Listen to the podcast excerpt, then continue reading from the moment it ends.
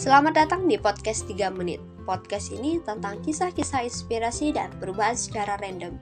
Buat kalian yang malas baca buku, di sini gue bahas secara ringkas, padat, dan jelas dengan logat gue.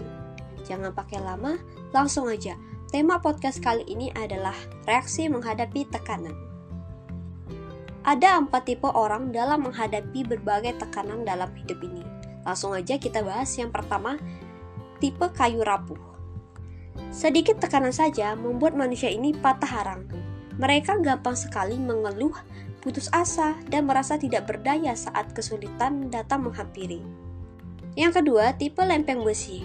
Orang tipe ini biasanya mampu bertahan dalam tekanan pada awalnya. Namun, seperti layaknya besi, ketika situasi semakin lama semakin menekan, ia mulai bengkok dan tidak stabil. Demikian juga orang-orang tipe ini mereka mampu menghadapi tekanan, tetapi tidak bertahan lama. Untungnya, mereka masih mau mencoba bertahan sebelum akhirnya menyerah. Namun, bila mau berusaha, orang ini akan mampu membangun kesuksesan dalam hidupnya. Yang ketiga adalah tipe kapas. Tipe ini cukup lentur dalam menghadapi tekanan. Saat tekanan tiba, orang seperti ini mampu bersikap fleksibel, cobalah kita menekan sebongkah kapas. Ia akan mengikuti tekanan yang terjadi.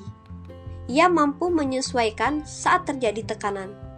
Namun, setelah tekanan berlalu, dengan cepat ia bisa kembali ke keadaan semula. Ia bisa segera melupakan masa lalu dan mulai kembali ke titik awal untuk memulai lagi. Yang terakhir adalah tipe manusia bola pingpong. Inilah tipe yang ideal dan terhebat. Tekanan justru akan membuat mereka bekerja lebih giat, lebih termotivasi, dan lebih kreatif.